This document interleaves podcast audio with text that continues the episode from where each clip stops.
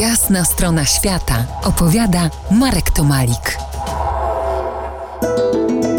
Dziś snuję opowieści o dziwnym lataniu, o chwilach, które z drżeniem serca załamywały czas. Takim lotem był przelot z Moskwy do Irkucka, w tym samym co do Kairu w 1989 roku. Domo Diedowo, największe lotnisko Rosji, kiedyś Związku Radzieckiego. Tego lotniska nie da się zapomnieć. Na pierwszy i następny rzut oka wszechogarniający chaos i pełna egzotyka.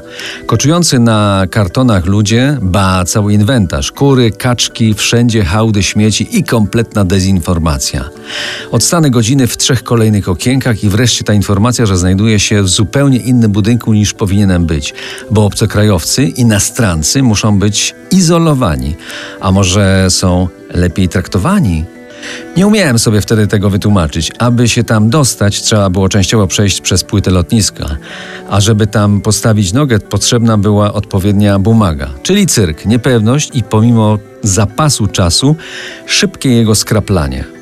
Wreszcie oddech bo po tej drugiej stronie mocy, w tym izolowanym budynku, była wycieczka z Kanady i kilkoro pasażerów z Bułgarii.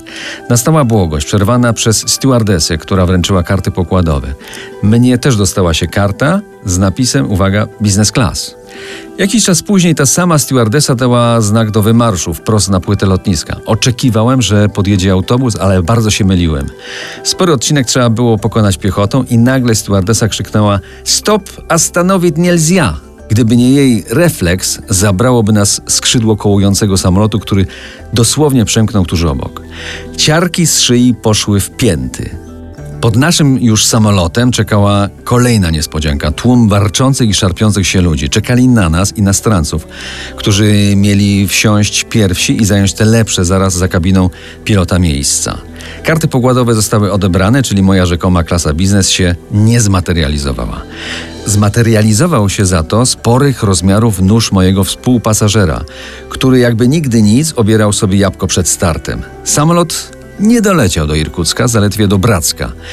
Tam był już trzaskający mróz i chłodne zapewnienie, że my, czyli inastrancy, polecimy dalej małym samolotem. Wchodziło się do niego po drabince i to był chyba ten sam model AN-2, którym leciałem jako nastolatek nad Bielskiem. Mnie się podobało, ale Kanadyjczycy po wylądowaniu w Irkucku mantrowali No more Aeroflot, no more. Na kolejny dziwny lot nad Saharą zapraszam za kilkanaście minut. To jest jasna strona świata w RMS Classic.